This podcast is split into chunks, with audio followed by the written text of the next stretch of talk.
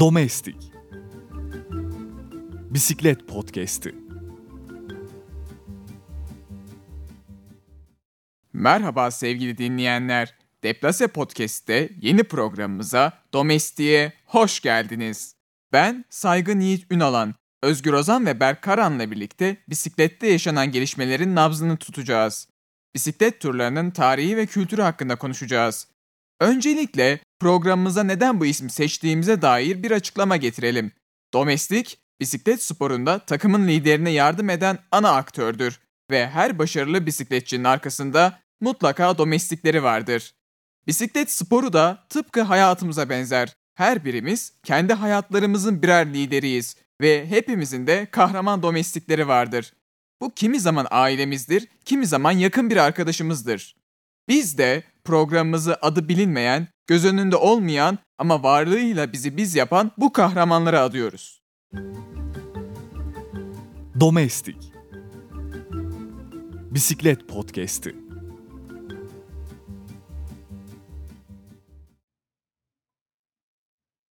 Ronde 2022 Wout van Aert öldü.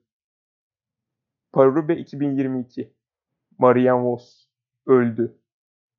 Parube 2022 Mats Pedersen öldü.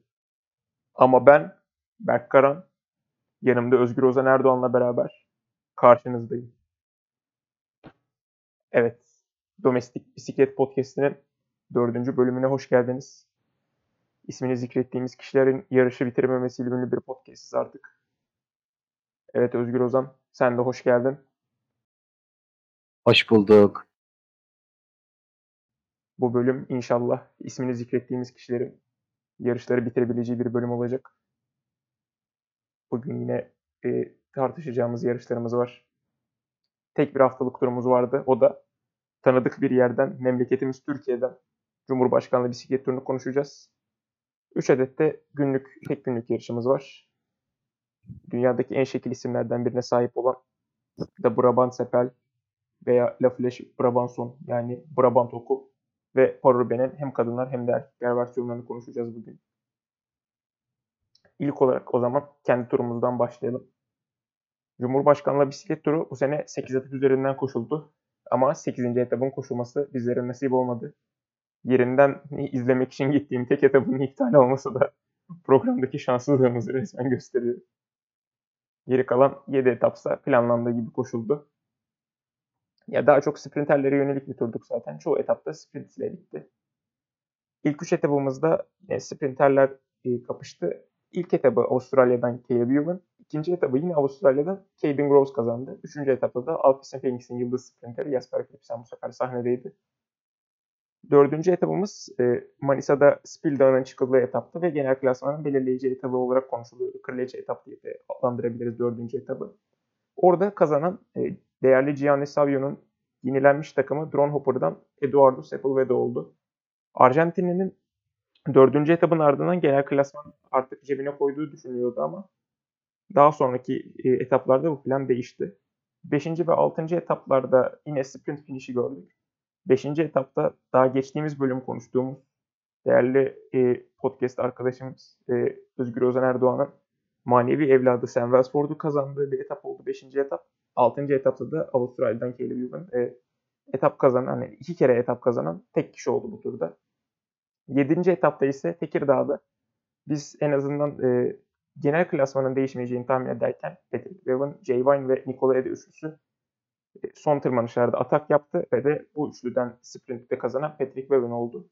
E, güne ikinci sırada giren Patrick Bevan da bunun e, bu etap galibiyetiyle beraber lider oldu. 8. etapta İstanbul etabında da olumsuz hava şartları ve e, güvenlik koşulları nedeniyle koşulmayınca turumuzun kazananı da bir Yeni Zelandalı olan Patrick Bevan oldu. Evet Özgür Ozan genel olarak turumuz böyleydi. Sen turu nasıl değerlendirirsin? Mesela bu sene parkur geçtiğimiz seneye göre daha güzel miydi? Daha iyi bir tasarım var mıydı? Veya alınan güvenlik önlemleri veya alınmayan güvenlik önlemleri hakkında neler düşünüyorsun? Benim e, demek istediğim en ilginç şey bu sene bu turumuz bizim e, Tour Down Under oldu diyebilirim. E, Tour Down Under e, tabii iptal ediliyor birkaç senedir. Covid koşullarından bu yana iptal ediliyordu. 2020'de yapılmadı, 2021'de yapılmadı, 2022'de de yapılmadı. E, öyle olunca da e, Tour Down Under'ın yokluğunu bizim turumuz e, tam Anza Cup'ta içinde e, doldurdu diye düşünüyorum. E, Caleb Evan, Caden Groves, Sam Welsford ve Patrick Bevin'in etap galibiyetleri ve Patrick Bevin'in genel klasman galibiyeti tamamen turumuzu e, Anzakların e, hakimiyetine bıraktı. Tabi bu durumu bozan iki kişi e, Jasper Philipsen ve Eduardo Sepulveda oldu. E, bu seneki parkur çok güzeldi aslında. Hani e, ben Elmalı'nın olmamasını birazcık e, üzülerek izliyorum. Ama e, yine de e, Türkiye'nin Momentus'unun yokluğunda e, Spildağ etabı e, birazcık beni tatmin etti. Ama özellikle e, 7. etap e, beklediğimi verdi.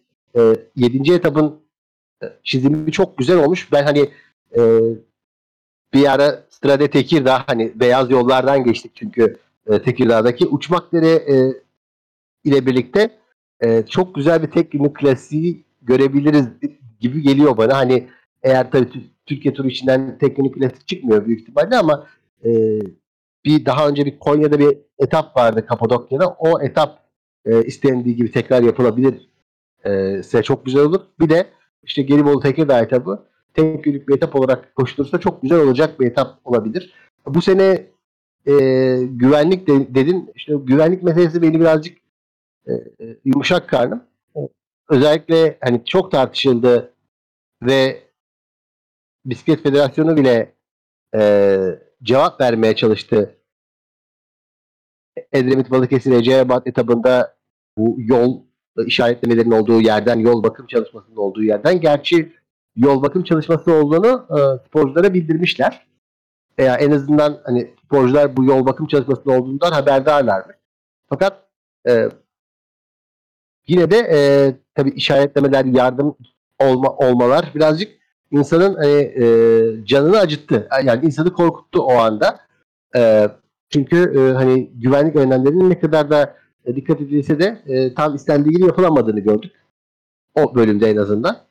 E, ama en azından İstanbul etabında e, sporcuları dinlediler. Ama şöyle dediğim e, ben hani sporcuların dinlenmesine o kadar da şey değilim. E, hani e, birazcık e, kazak e, erkek modunda veya e, sporcuları e, taş fırın sporcu modunda görmek isteyen biri olarak e, özellikle küçük e, küçük bir tur olduğu için ya küçük bir tur değil ama küçük bir tur seviyesinde olduğumuz için e, bun, bunları yaptıklarını düşünüyorum ama e, hani e, ya Fransa turunda bile bazen böyle e, endişelendikleri, nötralize edilmesini istedikleri yerler oluyordu. Onu biliyoruz da e, İstanbul İstanbul etabında en azından e, yağmurun e, azizliğine uğradık ve 25 kilometrede de kaza olduğunu söylüyorlar. İlk 25 kilometrede kazalar olduğunu söylüyorlar.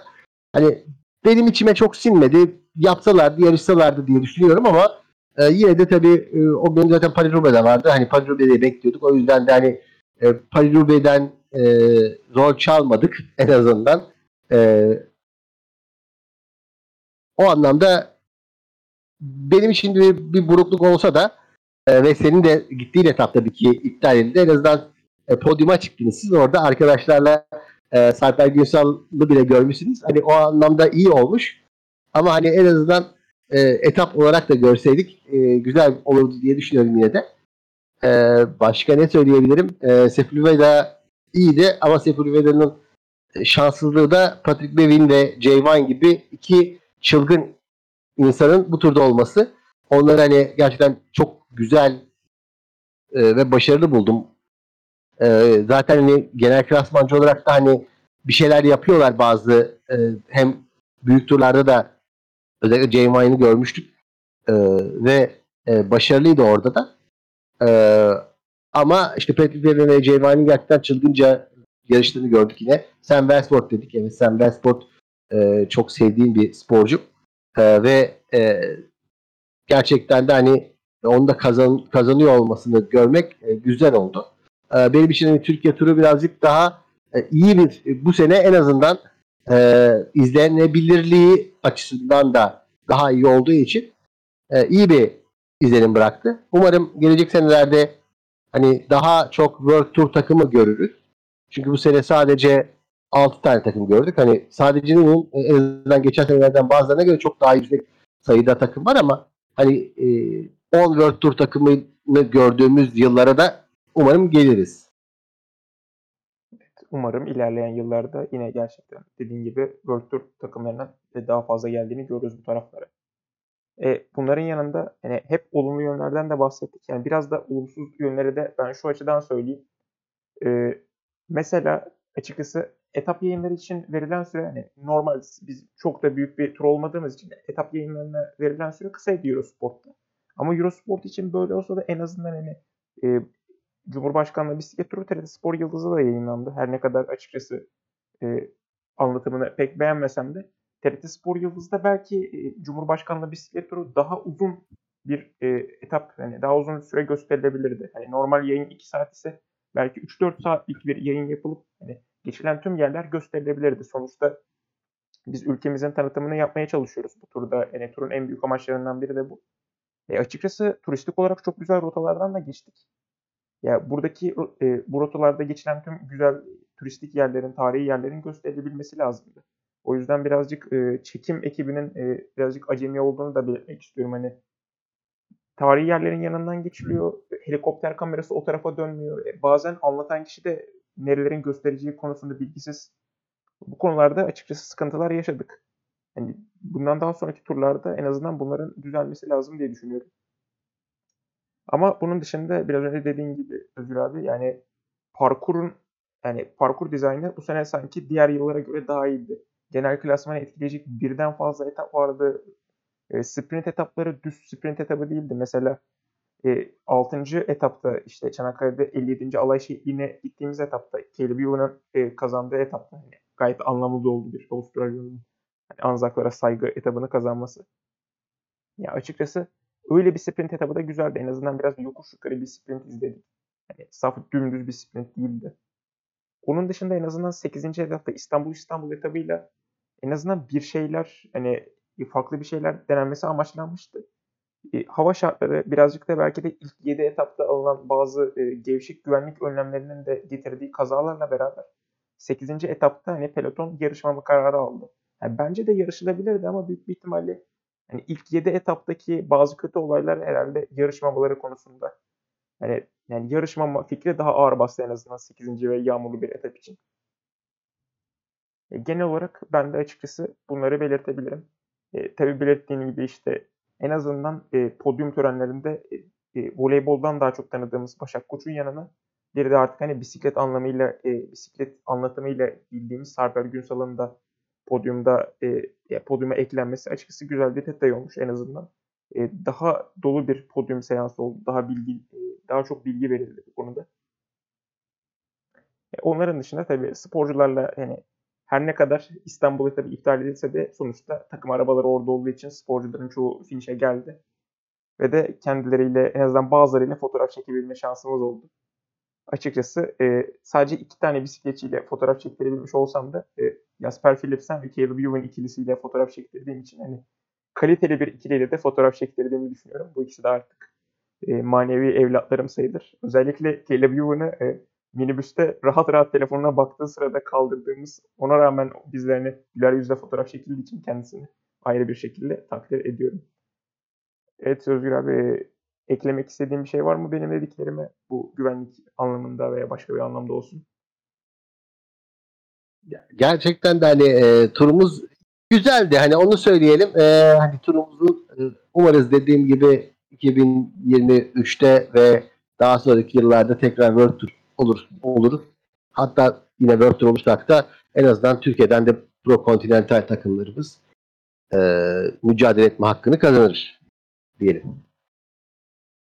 Evet, teşekkür ettim. O zaman artık kendi turumuzu konuşmayı bitirelim ve de tek günlük yarışlara geçelim. İlk olarak haftanın ortasında yani gerçekten de güzel, yani en güzel atlardan birine sahip olan e, De Brabant Sepel veya diğer adıyla Lilla Flash Brabanson yani Brabant Uku klasiği vardı.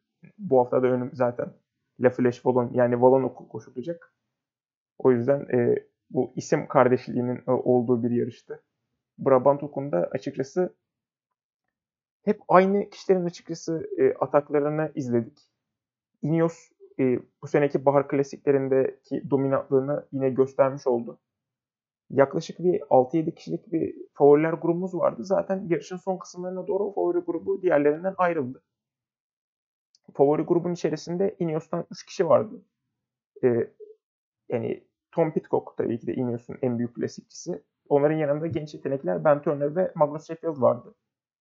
Bu üçünün dışında e, bu sene güzel bir sezon geçiren Warren Barguil de favoriler grubu içerisindeydi. Yine aynı şekilde Amstel Gold'da e, birinciliği kıl payıyla kaçıran Beno Cosnefroy da grubun içerisindeydi. Tabii ki Quick Step'te en azından böyle bir klasikte başarılı olması beklenen Remco Evenepoel da vardı grubun içerisinde. Genelde bu ekibin açıkçası e, çalışmalarını izledik. Hep bir Ineos tempo yaptığı sırada Remco Evenepoel geri düştü ama inatçı kişiliğiyle yani o gruba geri tutunmayı bildi. Zaten yarışın son kilometrelerinde de hani favoriler grubunda mesela 6 kişi varken e, 3 Ineos'lu olunca Ineos e, tabii ki de kazanmak için değişik taktikler uygulayacaktı. Ataklar yapacaktı grubun içerisinde. Bu atağı yapan da Amerikalı genç yetenek Magnus Sheffield oldu. 3.7 kilometre kala grubun içerisinden atağını yaptı. Zaten grubun içerisinde iki takım arkadaşı kendisini kovalayamayacaktı. E, diğer üçlüde de e, diğer üçlüde de o Magnus Sheffield'i yakalayacak güç olmayacak. Magnus Sheffield solo zaferine ulaştı.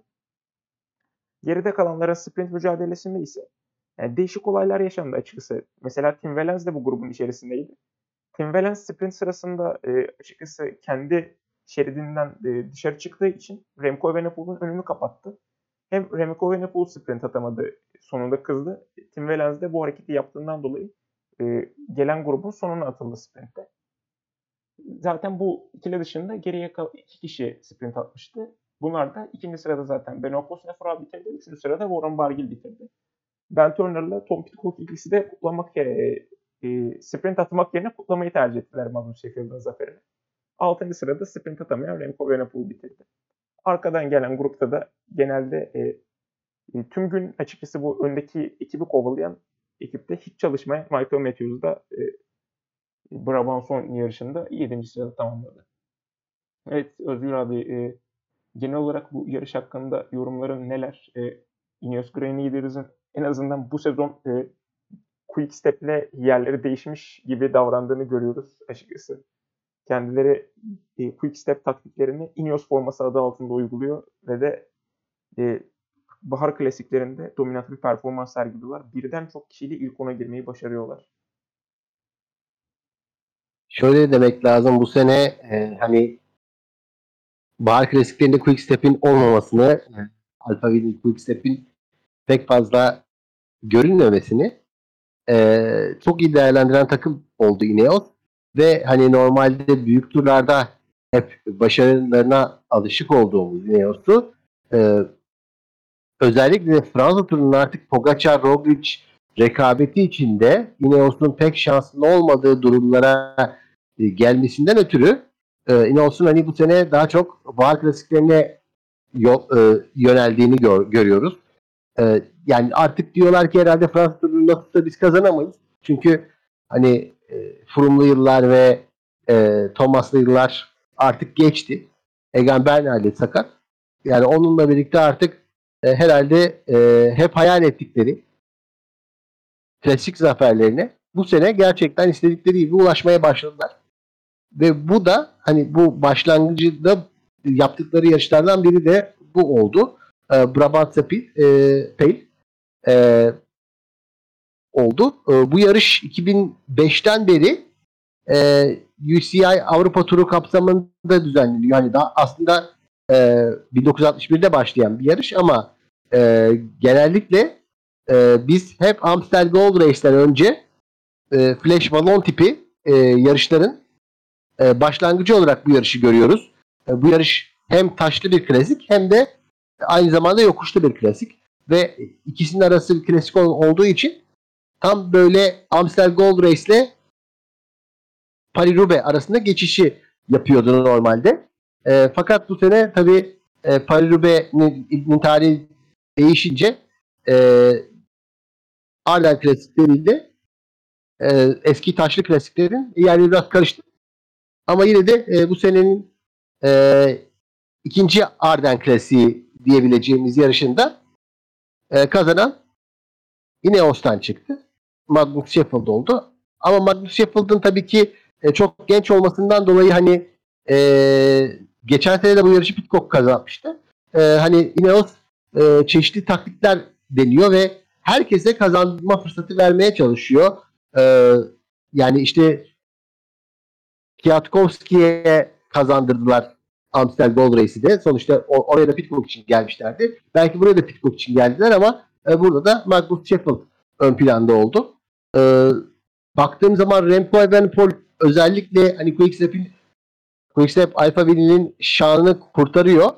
E, ama yine de tabii ki e, bu klasik beklediği klasik olsa da e, kendi istediği performansı e, ortaya koy, koymasına Tim Balance birazcık engel oldu diyelim. E, en azından hani ilk onda yani daha önde önlerde hani de olabilirdi. Belki podyuma girebilirdi.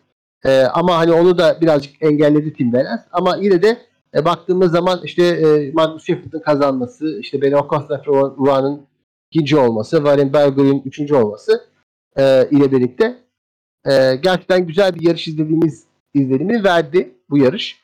E, bize özellikle son 3.7 kilometredeki solo eforu e, gördüğümüz zaman e, aslında tam olarak her şeyi anlat, anlatıyor bu yarış. E, ve çok güzel bir e, solo efordu. Yani Magnus Sheffield da tabii çok genç bir isim ve hani daha 19 yaşında ve bundan önce e, ki en büyük başarıları hep e, 2022'de geldi. Yani normalde hani daha önce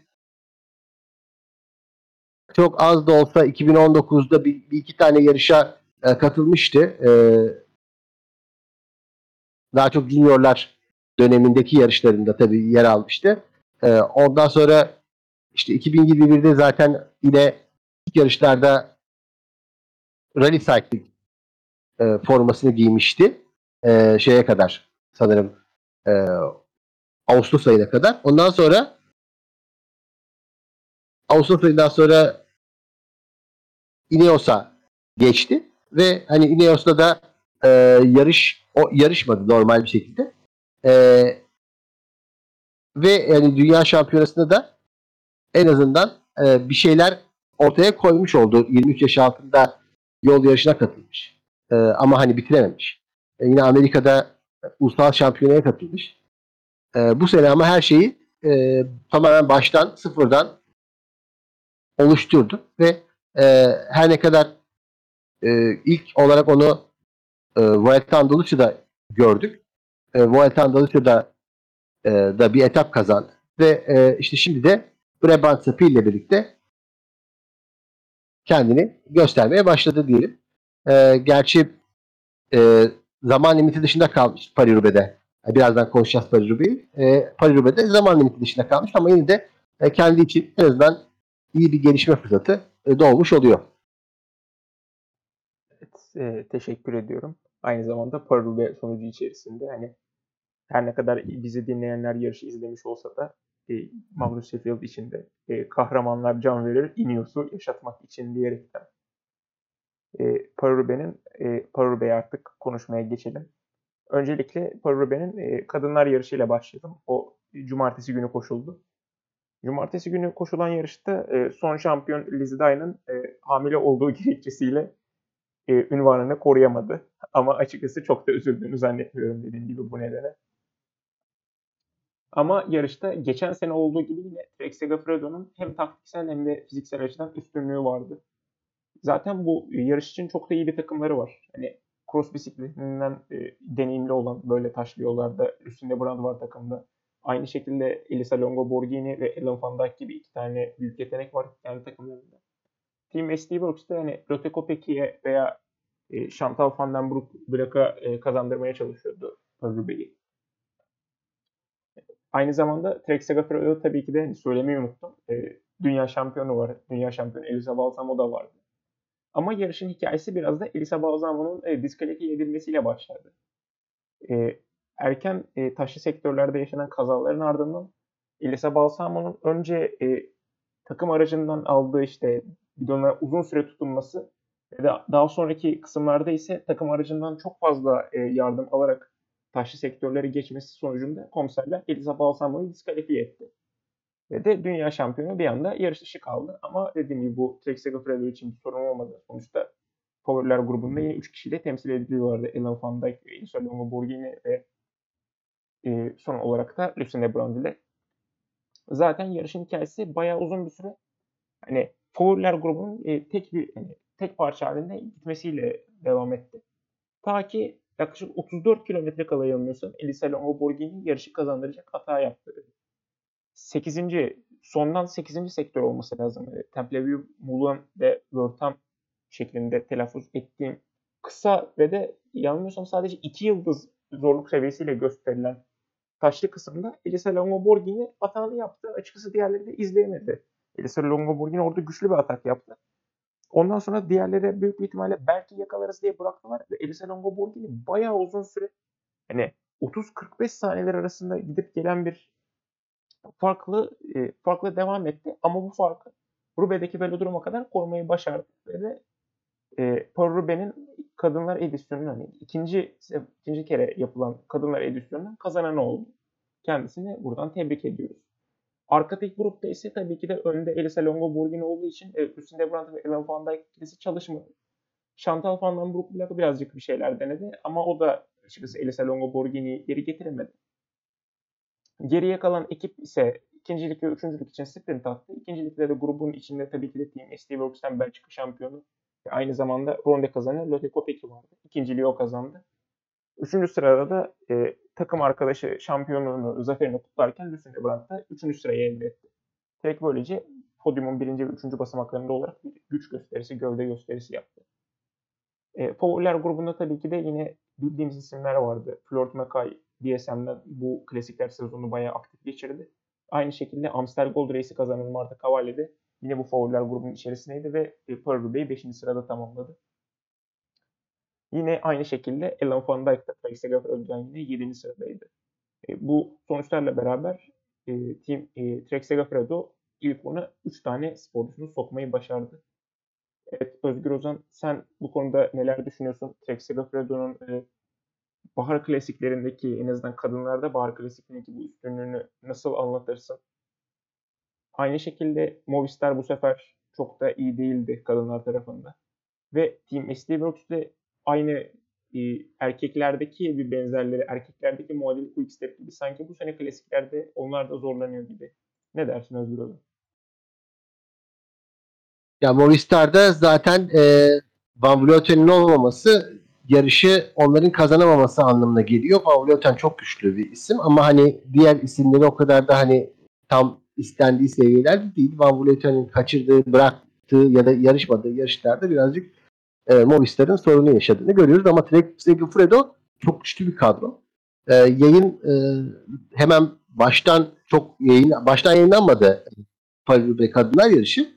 E, hani bizim turumuz gibi de 2 saat civarı yayınlandı ama kadınlar yarışı için, kadınlar bisikleti için 2 saat bile çok yüksek bir rakam. E, çünkü e, biz hani 15 dakikalık 1 saati aşmayan yayınlara da alıştık. E, yine de hani e, erken en başından görsek çok daha güzel olurdu diye düşünüyorum ama e, yine de tam yayına girildiği anda e, sanırım Brilon sektöründeydi. E, Trek Segafredo e, pelotonu çekiyordu.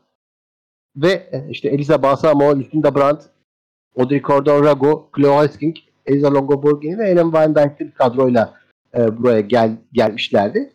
Ardından hani kazalar başladı, sıkıntılar başladı. E, zaten e, çok sayıda e, lastik patlamasını erkekler yarışında da sık sık gördük.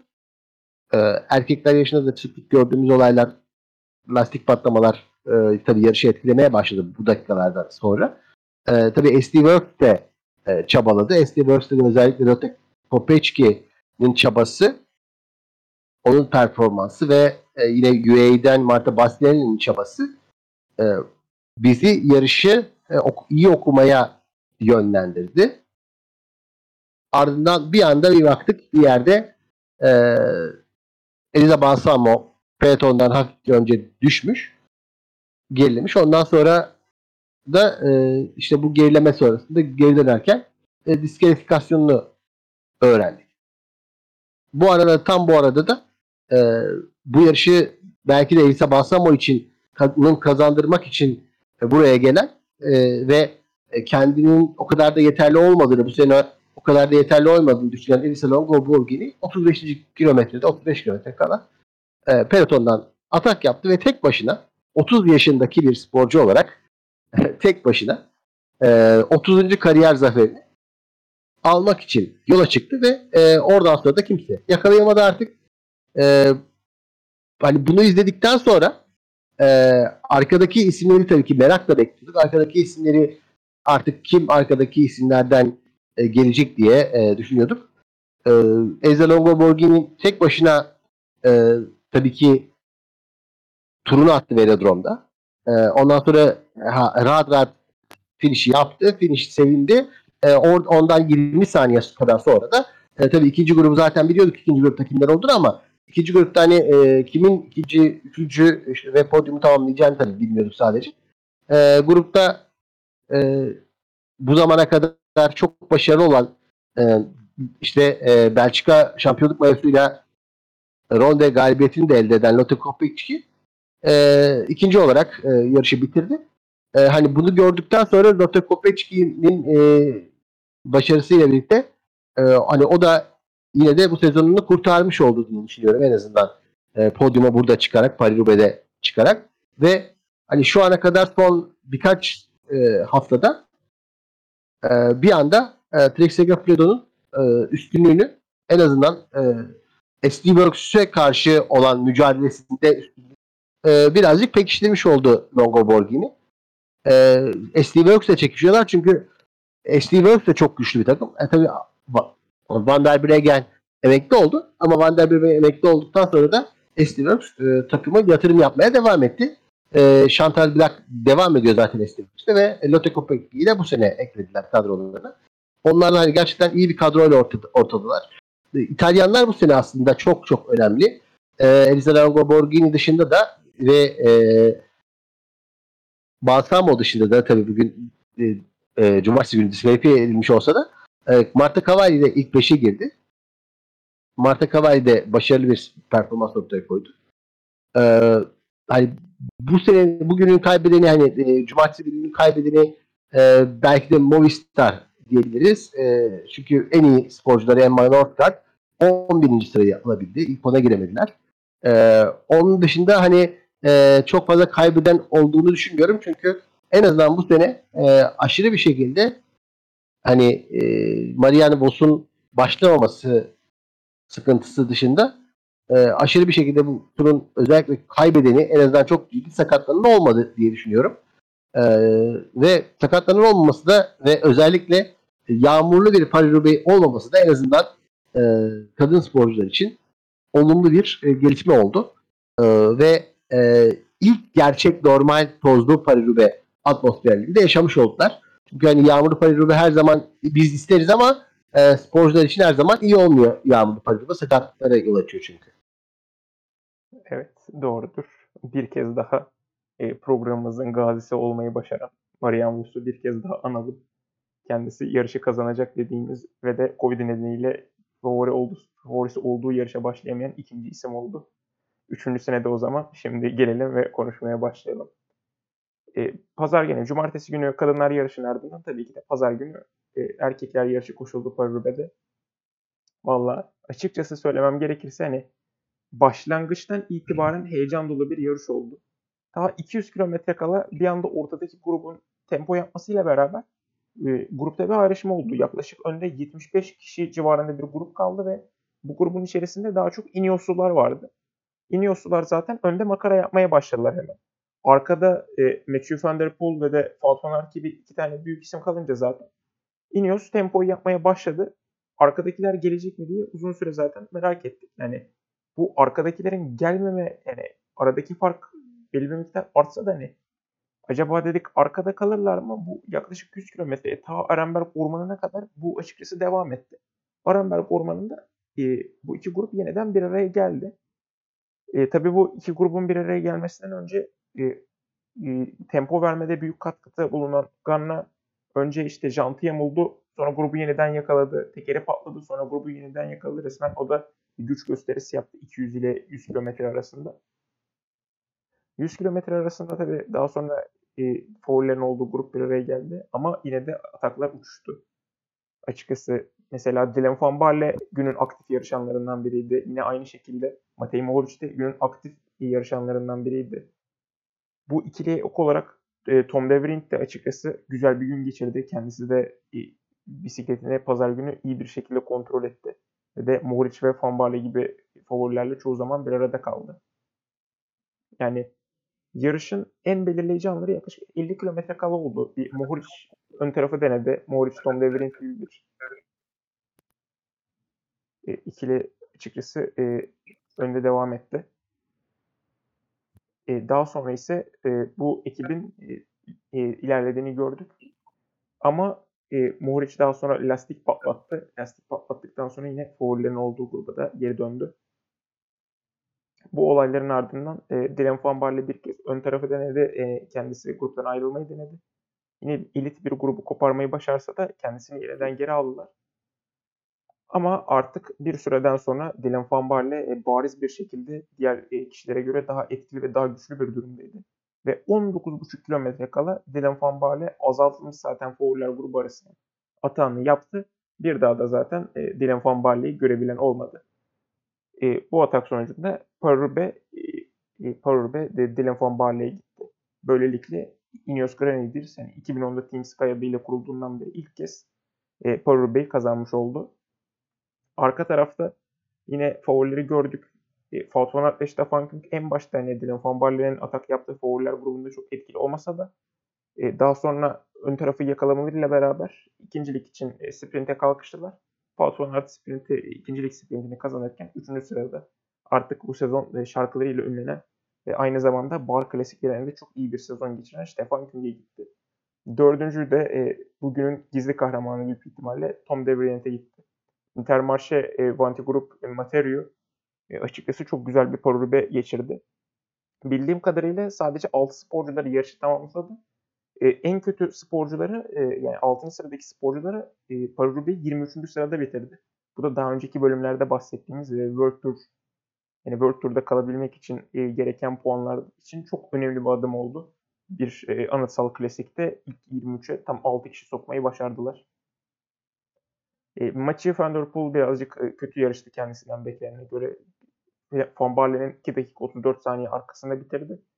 İkinci sıradaki Van Aert'ın da e, yaklaşık 45 saniye gerisinden geldi. Aynı şekilde Quickstep yine e, kötü yarışmaya devam etti. En azından bu sefer bir bahaneleri de vardı. E, en önlerde bitiren 10. sırada Yves Lampard, 10. sırada Florian Seneschal bitirdi. İkili de e, seyircilerle e, kazaya karıştılar. Özellikle Yves Lampard e, ilk yani ilk beşli arasındaydı kaza yapana kadar. Kaza e, kazadan sonra açıkçası şeyden düştü. E, favoriler grubundan düştü. E, podyumda bile bitirebilirdi kendisi. O yüzden şanssız oldu. Yani bir parantezi de ederse iki parantez açmam gerekirse de e, lafı sana devretmeden önce Özgür abi. Biri e, 17 Nisan günü koşulduğu için Parurbe. E, 17 Nisan aynı zamanda Jasper Stuyven'in doğum günüydü. Kendisi doğum gününde Parurbe'yi kazanmayı isterdi. Ama 7. sırada bitirdi. Yine güzel bir sonuçtu. Bahsedeceğim diğer bir kısım ise bu sefer hani hep en üstteki Dylan Van Barley'i konuştuk. Ama bu sefer de en alttaki kişilerden de konuşmamız lazım. E, normalde zaman limiti de olduğu için zaman limiti içerisinde bitiren tam 107 tane sporcu vardı. Ama e, geçen senelerde YouTuber olarak bildiğimiz ve bu sene e, Bingol, Powell Sosis'la beraber e, yeniden profesyonel pelotona geri dönen Bastit ama her ne kadar Dylan Van Barley yarışı bitirdikten 1 dakika 2 saniye e, 1 saat 2 dakika 21 saniye sonra gelse de yarışı bir şekilde bitirmeyi başardı. Resmi kayıtlara zaman e, zaman limiti dışarısında gelse de kendisi e, e, Parube'yi bitirerek hem e, taraftarlardan hem de takımından büyük takdir topladı. Sen e, neler düşünüyorsun Özgür Ozan? Yani, güzel bir Parube izledik mi? E, en azından seni tatmin edebildi mi? Ki evet, e, düşünüyorum. Evet, e, şu e, şöyle bir Parube oldu benim için de. E, özellikle e, baktığımız zaman Van der Poel'ün sıkıntı yaşadığını gördük.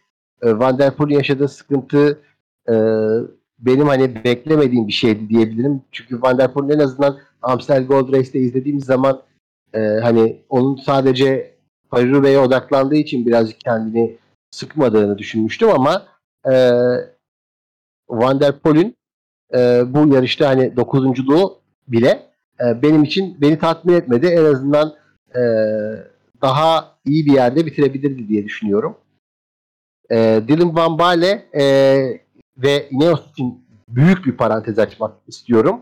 E, hani ben Ineos'u çok fazla e, seven bir e, tarafta değilim. E, Empire olarak görüyorum. Hani e, Yıldız Savaşları'ndaki e, azılı düşman Darth Vader'la birlikte e, yani en azılı düşman olarak görüyorum genellikle ama e,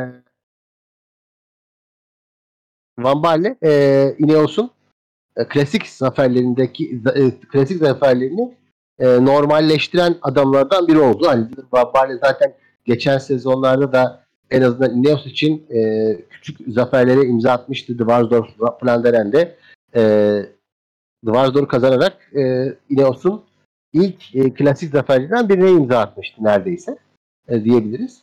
E, ve e, oradan sonra da işte e, burada da e, gerçekten de çok güzel bir performans ortaya koydu. Ineos'un zaten e, yarışın başından itibaren yaptığı ataklar e, ve çalışmaları bu sene hani e, bir klasik nasıl koşulur dersi gibi bir şey oldu. E, hani e, genel bir soru vardır e, vardı. 2021 Paris acaba kim geçecek? 2021 Paris hani ya, özellikle yağmurlu Paris olmasıyla Ekim ayında koşulmasıyla çok güzel bir Paris oldu. Hatta e, David Lapartien de şimdilerde biliyoruz ki e, Paris hep Ekim ayında sezonun sondan bir önceki yarışı ya da son yarışı gibi e, yaptırmayı planlıyor, yaptırmayı düşünüyor. En azından öyle planları var, öyle istekleri var. E, ama tabii e, ve o Paris çok güzel olmuştu. Ama o, bu Paris o Paris geçtiğini düşünüyorum. En azından geçen sene ki, Par e, çok fazla kaza olmuştu. Bu sene sadece lastik patlamalarını birazcık fazla gördük. En azından e, işte 107 bisikletçinin bitirdiği e, ve Basti Yeteman'ın da bir saat sonra geldiğini e, düşünürsek e, yani 107 bisikletçinin bitirmesi bile e, bence Paris için iyi bir sayı ve e, overtime limitleri de sayarsak e, daha da iyi bir sayı. Çünkü overtime limitlerinin sebebi e, tarihin en hızlı Paris olmasından kaynaklanıyor. Neredeyse 45.792 km hızla e, bitti ortalama hız olarak. Ve hani buna da baktığımız zaman tarihin hiperolojisinde e, 107 kişinin bitmesi yine de güzel bir oran. E, yarışın güzelliğini anlatmak için öncelikle şöyle şuna bakmak lazım. Eşelonların oluşturmasını her zaman severiz. Eşelon oluşturduğu zaman e, en ufak bir bisiklet turunda bile olsa insan izlemeye başlıyor. Ve bir anda hani burada Eşelon'la Ineos çok iyi bir taktik yaptı ve e, önde herkes kaldı Ineos'tan. E, özellikle Filippo Ganna için gelmişlerdi buraya tabii. Ineos. E, Filippo Ganna için geldikleri için burada e, biraz hani iyi çabaladılar. Tam Filippo Ganna'nın iyi performans yapması için çabaladılar ama e, baktığımız zaman e, Filippo Ganna da iki defa lastik patlattı. İki defa lastik patlattığı için de tabii o yüzden de e, sonunu getiremedi. Ama Ineos'ta sonunu getirebilecek Dylan Van Baarle dışında da Ben Turner gibi isimler vardı. O da çok genç bir isim. E, ve e, Ben Turner da çok iyi performans ortaya O da 1999'da o da 22 yaşında. O da bu sene e, yine parlayan isimlerden bir tanesi. İlk onları ilk onları e, gördüğü biliyoruz. E, ve hani onunla birlikte e, diğer isimler de e, Ineos için resmen kendini feda ettiler. Böyle olunca da e, Ineos'un farkı arttırmasıyla birlikte e, Van Aert ve Van der Poel çok geride kaldı. Aslında biz bu görüntüden sonra hani Van Aert'la Van der Poel için yarış bitti diye, diye düşünürken e, gerçi orman içinde orman e, bir ayrışma yeri değil de Arenberg Ormanı bir ayrışma yeri değil de bir kavuşma yeri gibi oldu. E, ve bu kavuşma yerinde e, tabi gruplar birleşti. E, Van Aert sorun yaşadı bu arada. E, yine lastik patlattı. O da geri döndü. E, ve e, bisiklet değiştirmişti hatta hatta. E, ve kendi bisikleti olmayan bir bisikletle Arenberg Ormanı'na çıktı. E, ona rağmen hani yarışın içinde çok büyük bir performans ortaya koydu var. Van Aert'ın ikinci olması bu aşamada hani e, benim gibi hani e, Van Aert'ı aşırı sevmeyenler için bile e, hani Van der Poel, Van Aert rekabetinde e, Matthew'yu destekleyenler için bile e, yine de e, bir güç gösterisi oldu diyebilirim. E, Stefan Küng çok başarılıydı herkesin de dediği gibi. E, ve e, Matej Mohoric bu, bu yarışın aslında kralıydı. Bu yarışın hani her atakta o vardı. Her şeyde Dylan Van olduğu gibi Dylan Van sık sık atak yaptığı gibi e, Matej Mohoric de sık sık atak yaptı. Ve e, belki de Tom de Vrient'le birlikte yaptıkları kaçışta e, lastik patlatmamış olsaydı belki de bu yarışı bugün bir Slovanya'nın kazandığını ve Matej Mohoric'in bu yarışı kazandığını konuşuyor olacaktık ama e, yine de e, hani Van Baarle'nin de kazanması güzel oldu.